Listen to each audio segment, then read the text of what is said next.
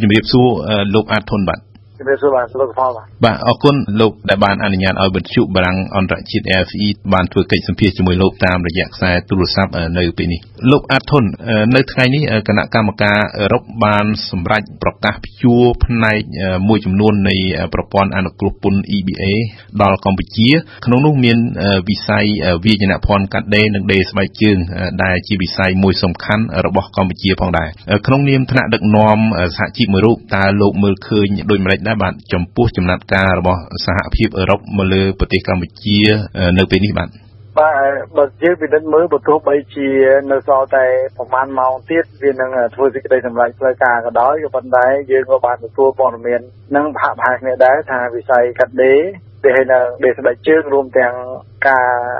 ដេរកាបូបផ្សេងៗហ្នឹងអាចនឹងប៉ះពាល់នៅក្នុងរង្វង់20%អញ្ចឹងបើសិនជាសេចក្តីសម្រេចបន្តិចទៀតនៅក្នុងហ្នឹងមែនខ្ញុំគិតថាវាជាបញ្ហាមួយដែលវាធ្វើឲ្យវិបត្តិនៃការនាំចេញនៅក្នុងវិស័យនេះគឺវាមានការថន់ថយហើយដោយសារតែចំនួននៃការកាត់ហ្នឹងវាវាត្រូវមានជាក់លាក់ដែលផុតពីកាតព្វកិច្ចដែលសហគមន៍អឺរ៉ុបដែលកំណត់ឲ្យរយៈពេលនៅថ្ងៃទី12ខែ8ទៅគេនឹង កាត់ពន្ធនាំចូលនៅក្នុងទំហំដែលគេបានកំណត់ទៅហើយបាទតើការសម្រេចរបស់សហភាពអឺរ៉ុបនៅពេលនេះនឹងធ្វើឲ្យមានការខាតបង់យ៉ាងណាខ្លះបាទការនាំចេញរបស់កម្ពុជាទៅកាន់ទីផ្សារអឺរ៉ុបជាពិសេសខាងវិស័យកាត់ដេរបាទគណៈទីផ្សារអឺរ៉ុបត្រូវបានចាត់ទុកថាជាទីផ្សារធំនិងសំខាន់សម្រាប់កម្ពុជាបាទតាមពិតអ្វីដែលខាត់បងគឺយើងមើលឃើញចំណុចទី1គឺទំហំទឹកប្រាក់ដែលធ្លាប់នាំចេញនៅក្នុង ទំហំទឹកប្រាក់ជាង4000គឺថាវាអាចធ្លាក់ចុះនៅក្នុងទំហំទឹកប្រាក់តិចជាងហ្នឹងដោយសារតែតែចំនួនដែលភាគរយដែលគេកាត់ហ្នឹងគឺវានៅក្នុងទំហំទឹកប្រាក់នាំចេញហ្នឹងហើយការងារបើយើងមើលទៅអាចនឹងបាត់បង់ការងារនៅក្នុងទង្វង់អាចនិយាយថាបើវា20%ហើយកម្មករយើងវាអាចនិយាយថាពាក់ព័ន្ធតែជា50ម៉ឺននេះអញ្ចឹងវាក៏អាចបាត់នៅក្នុងរង្វង់ តាម6000ឬក៏ទៅដល់10000 20000នេះដែរបើតាមយើងពិនិត្យមើលណាហើយបើសិនជាការងារទាំងអស់ហ្នឹងมันអាចទៅរកការងារថ្មីបានហើយក្រុមហ៊ុនហ្នឹងมันអាចនាំចេញទៅកន្លែងផ្សេងថ្មីបាននៅក្នុងទំហំ20%ទេអញ្ចឹងអាអ្នកដែលដែលបាត់ហ្នឹងគឺថាគាត់នឹងបាត់បង់ការងារហើយបាទបាទ ក៏ប៉ុន្តែតួលេខចុងក្រោយរបស់ក្រសួងការងារដូចជាកម្មករទាំងអស់មានប្រមាណជាជាង70ម៉ឺននាក់ឯណោះប្រសិនបើចំនួនជាង70ម៉ឺននាក់នេះវិញនឹងប៉ះពាល់ទៅដល់កម្មករប្រមាណដែរបាទដែលបាត់បង់ការងារហ្នឹងប្រសិនបើមានការកាត់20%ហ្នឹងបាទតាមពិតទៅអ្វីដែលខ្ញុំធ្លាប់បានទទួលរបាយការណ៍ ក្រសួងកន្លងមកគឺថាចំនួនរោងចក្រមានប្រមាណជាង1100រោងចក្រហើយនៅក្នុងនោះគឺថារោងចក្រមេមានប្រមាណជាង600ហើយកម្មករនយោជិតមានជាង80ម៉ឺននាក់បើយើងមើលទាំងក្រុមហ៊ុនដែលនាំចេញឬក៏ក្រុមហ៊ុនដែលនៅក្នុងស្រុក ấy អាចនៅក្នុងទំហំទឹកប្រាក់ច្រើនតែទំហំចំនួនកម្មករច្រើនជាងនេះចឹងគឺបើយើងពិនិត្យមើល ទំហំហ្នឹងគឺអាចនិយាយថានៅក្នុងចំនួនជិត1លានអ្នកដែលធ្វើការនៅក្នុងវិស័យហ្នឹងការបាត់បង់នេះខ្ញុំគិតថាបើសិនជានាំទៅអឺរ៉ុបនៅក្នុងនោះប្រហែលជាង40%នៃការនាំចេញនៅក្នុងចំនួនកម្មករប្រហែលជាអាចនិយាយថាក៏ជាង40ម៉ឺនអ្នកដែរបើយើងពិនិត្យមើលក្នុងការនាំចេញអឺរ៉ុបអញ្ចឹងបើ20%នៅក្នុងហ្នឹងវាអាចថាបាត់ វាចន្លោះថាអាចថា12000នាក់នៅក្នុងការងារនេះនេះគឺការគិត ក្រៅផ្លូវការរបស់យើងតែប៉ុណ្ណឹងហើយវាអាចតិចជាងហ្នឹងឬក៏វាអាចច្រើនជាងហ្នឹងវាអាស្រ័យទៅទំហំនៃរោងចក្រឬក៏ទំហំនៃភាគរយរបស់កម្មករយុចិត្តដែលធ្វើការនៅកន្លែងហ្នឹងអ្វីដែលយើងកែមានទៅបាទបាទលោកអាត់ធុនពេលនេះប្រទេសកម្ពុជាបានដឹងពីលទ្ធផលបណ្ដាបណ្ដាហើយនៃការសម្រេចរបស់សហភាពអឺរ៉ុបចំពោះចំណាត់ការរបស់គេមកលើប្រទេសកម្ពុជាដូច្នេះការសម្រេចចិត្តតាមរយៈការព្យួរ កម្រិតនេះតើជាការធ្វើបាបកម្ពុជាឬក៏ជាវិធានការមួយណែសើសើទេបាទតាមពិតខ្ញុំឃើញអ្វីដែលសហគមន៍អឺរ៉ុបបាន ចេញក្រៅផ្លូវការហ្នឹងគឺយើងគិតថាវាហាក់បីដូចជាគាត់តែការចាប់ផ្ដើមដំបូងទេហើយគេដាក់តាមផ្នែកហើយនៅក្នុងភាគរយតិចទៀតហើយគេក៏ទុកឱកាសឲ្យកម្ពុជានៅក្នុងការស្ដារឡើងវិញនៅអ្វីដែលការស្នើរបស់សហគមន៍អឺរ៉ុបអញ្ចឹងខ្ញុំគិតថាវានឹងមានស្ថានភាពល្អជាងហ្នឹងឬក៏អាក្រក់ជាងហ្នឹងវាអាស្រ័យទៅលើការប្រតិកម្មទៅវិញពីខាងរដ្ឋាភិបាលកម្ពុជាទេបាទ បាទឃើញថាសេចក្តីសម្រេចរបស់គណៈកម្មការអឺរ៉ុបនៅពេលនេះគឺមានពេលរហូតដល់6ខែទៀតទើបចូលជាធរមានដូច្នេះក្នុងអំឡុងពេល6ខែទៅមុខបន្ទាប់ពីការសម្រេចនេះតាមយោបល់លោកតើកម្ពុជានឹងត្រូវមានយន្តការយ៉ាងណាដើម្បីឆ្លើយតបទៅនឹងសេចក្តីសម្រេចនេះបាទខ្ញុំគិតថាទីមួយរដ្ឋាភិបាលត្រូវពិនិត្យមើលផលប៉ះពាល់ដែលកើតឡើង នៅក្នុងទំហំ20%ហ្នឹងហើយបន្ទាប់មកគឺត្រូវពិនិត្យមើលអ្វីដែលជាការសំណើរបស់សហគមន៍អឺរ៉ុបដើម្បីតានៅអ្វីដែលជាចំណុចចំណងឡើងវិញហើយអាចនឹងបញ្ជាទៅទីផ្សារផ្សេងផ្សេងទៀតបង្កើតឲ្យមានទីផ្សារផ្សេងផ្សេងទៀតដើម្បីទទួលយកស្រូបយកការងារដែល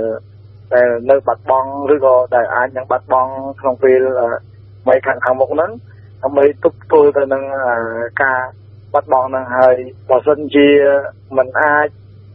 រកទីផ្សារថ្មីបានហើយมันអាចជជែកជាមួយសហគមន៍អឺរ៉ុបបានមិនអាចដោះស្រាយនៅសំណើរបស់សហគមន៍អឺរ៉ុបបានទេហ្នឹងវាបញ្ហាវាអាចប្រឈមជាយ៉ាងនឹងទៀតតែបើសិនជាអាចដោះស្រាយបញ្ហាហ្នឹងបានវាអាចនឹងមានបញ្ហាធូរស្រាលឡើងវិញដែលដែលយើងមើលឃើញនៅក្នុងស្ថានភាពហ្នឹង បាទឃើញថាការសម្រេចជួ EBA ផ្នែកខ្លះពីកម្ពុជា ដោយគណៈកម្មការអឺរ៉ុបពេលនេះតើនឹងធ្វើឲ្យប៉ះពាល់ដល់កេរ្តិ៍ឈ្មោះប្រទេសកម្ពុជាទេលោកអាតុនអឺចង់មិនចង់គឺវាប៉ះពាល់ស្របទៅហើយដោយសារនេះគឺជាសន្នកម្មអាចនិយាយថាជាការដាក់សន្នកម្មមួយទោះបីវាចាប់ផ្ដើមជិតទួយក៏ដោយប៉ុន្តែជាសញ្ញាណមួយអាចនិយាយថា បើនិយាយភាសាបាក់ស្ដាប់ថាជាការពំរាមទៅចុះប៉ុន្តែបើសិនជាយើងស្ដារអានឹងឡើងវិញហើយលុបអានឹងបំបត្តិវាជារឿងល្អប៉ុន្តែបើមិនមិនបានស្ដារហើយអានឹងវាទុកឲ្យស្ថានភាពធំហើយវារហូតដល់មានការសម្រេចបង្កើននៃចំនួនបន្តទៅទៀតហើយឬក៏ថ្ងៃក្រោយទៅបញ្ហា សម្ភារៈឬក៏មុខទំនិញផ្សេងទៀតនឹងដាក់បញ្ចូលឬក៏បញ្ហាប្រទេសមួយចំនួនទៀតគេដាក់ប្រធានការទៀតអាហ្នឹងខ្ញុំគិតថាវាមិនល្អបាទនេះគឺគ្រាន់តែជាការចាប់ផ្ដើមមួយដែលអាចនិយាយថាវាតិចតួចប៉ុណ្ណោះសម្រាប់ពេលបច្ចុប្បន្ននេះហើយយើងចាំមើលទំហំនៃនៃនៃការបោះបង់ប៉ុណ្ណាហើយតើអាចរកអ្វីមកចំនួននៅក្នុងទំហំនឹងបាននៅក្នុងពេលហ្នឹងបាទ ក៏ប៉ុន្តែចំណុចនេះរដ្ឋាភិបាលកម្ពុជា ជាពិសេសប្រមុខរដ្ឋាភិបាលកម្ពុជា តែងលើកឡើងម្ដងហើយម្ដងទៀតថាมันអាចយកអធិបតេយ្យភាពរបស់ជាតិទៅបដូរទៅនឹងលក្ខខណ្ឌឬក៏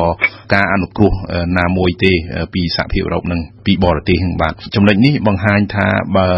សិនជាមានការកែប្រែណាមួយ ប្រហែលជានឹងធ្វើជាយូរមកហើយតើលោកមានជំនឿថាអ្វីអ្វីនឹងមានការផ្លាស់ប្ដូរទេនៅអំឡុង6ខែទៅមុខនឹងបាទខ្ញុំគិតថាការផ្លាស់ប្ដូរវាអាចមានគ្រប់ពេលសូម្បីតែក្នុងរយៈពេលខ្លីឬក៏រយៈពេល6ខែនេះក៏នឹងមានការផ្លាស់ប្ដូរបានដែរដោយសារតែកម្មភាពខ្លះត្រូវការផ្លាស់ប្ដូរដោយធ្វើកម្មភាពកម្មភាពខ្លះទៀតគ្រាន់តែជាការផ្លាស់ប្ដូរដោយការសន្យាហើយបន្តធ្វើផែនការ ដើម្បីអនុវត្តក៏មានន័យថាគេជឿឬក៏គេតាមដាននឹងការផ្លាស់ប្ដូរនោះដែរហើយពាក់ព័ន្ធទៅនឹងការងារកន្លងមកយើងឃើញថាមានការកែប្រែខ្លះដែលនៅក្នុងនោះដូចជាការពិនិត្យឡើងវិញច្បាប់សហជីពនិងច្បាប់អង្គការសង្គមស៊ីវិលការដកបណ្ដឹងនិងការផ្ដល់សេរីភាពឲ្យមានការជួបប្រជុំអីជាដើមហ្នឹង ក៏ប៉ុន្តែអាកម្រិតនៃការផ្ដល់ហ្នឹងវាឲ្យបានតិចនៅឡើយដែលធ្វើឲ្យខាងសហគមន៍អឺរ៉ុបហ្នឹងមិនអាចរក្សានៅការផ្ដល់ជូន100%បានដោយធ្វើបានប្រហែលជាគេគិតពីទំហំ20%ហើយបានជាគេដកនៅក្នុងរង្វង់20ទៅ30%ហ្នឹងអញ្ចឹងប្រហែលជាអាចអឺឆ្លើយតបទៅនឹងការអឺវិវត្តឬការធ្វើឲ្យប្រសើរឡើងរបស់រដ្ឋាភិបាលហើយអញ្ចឹង ថ្ងៃអនាគតខ្ញុំគិតថានៅតែមានឱកាសបើសិនជាកម្ពុជាយើងចង់កែប្រែឲ្យបានល្អហើយឲ្យធ្វើតាមសហគមន៍អឺរ៉ុបស្នើខ្ញុំគិតថាយើងអាចធ្វើបានហើយប៉ះពាល់អធិបតេយ្យភាពខ្ញុំយល់ឃើញថារដ្ឋាភិបាលខ្លួនឯងនឹងមានដឹងច្បាស់ថាកន្លែងណាដែលត្រូវប៉ះកន្លែងណាមិនត្រូវប៉ះហើយបើខ្ញុំផ្ទាល់ខ្ញុំគិតថា ការងារបច្ចេកទេសជាច្រើនដូចជាមិនប៉ះពាល់ដល់អធិបតេយ្យភាពទេឧទាហរណ៍ថាដកបញ្ហាដកបណ្ដឹងឬក៏ការក្រៅច្បាប់ស្តីអំពីសហជីពឲ្យស្របតាមច្បាប់រដ្ឋធម្មនុញ្ញឬក៏ច្បាប់ការងារដែលមានស្រាប់ខ្ញុំគិតថាដូចជាមិនប៉ះពាល់អីដល់ទៅនឹងអធិបតេយ្យទេហើយរួមទាំងសិទ្ធិវិជាធិបតេយ្យឬក៏សិទ្ធិជួបប្រជុំសាធារណៈសុទ្ធតែសុទ្ធតែមានចែងនៅក្នុងរដ្ឋធម្មនុញ្ញដែល ត្រូវធានាដោយរដ្ឋាភិបាលដែលជាអ្នកដែលអនុវត្តនៅគោលការណ៍រដ្ឋធម្មនុញ្ញទាំងផងដោយអស់ពេលជាថ្មីម្ដងទៀតខ្ញុំសូមថ្លែងអំណរគុណដល់លោកអាតធុនប្រធានសហភាពការងារកម្ពុជា ដែលបានផ្ដល់នូវកិច្ចសម្ភាសដល់វិទ្យុបារាំង AFE នៅពេលនេះបាទសូមអរគុណនិងជម្រាបលាលោកបាទបាទសូមអរគុណសូមជម្រាបលាលោកសុផលបាទ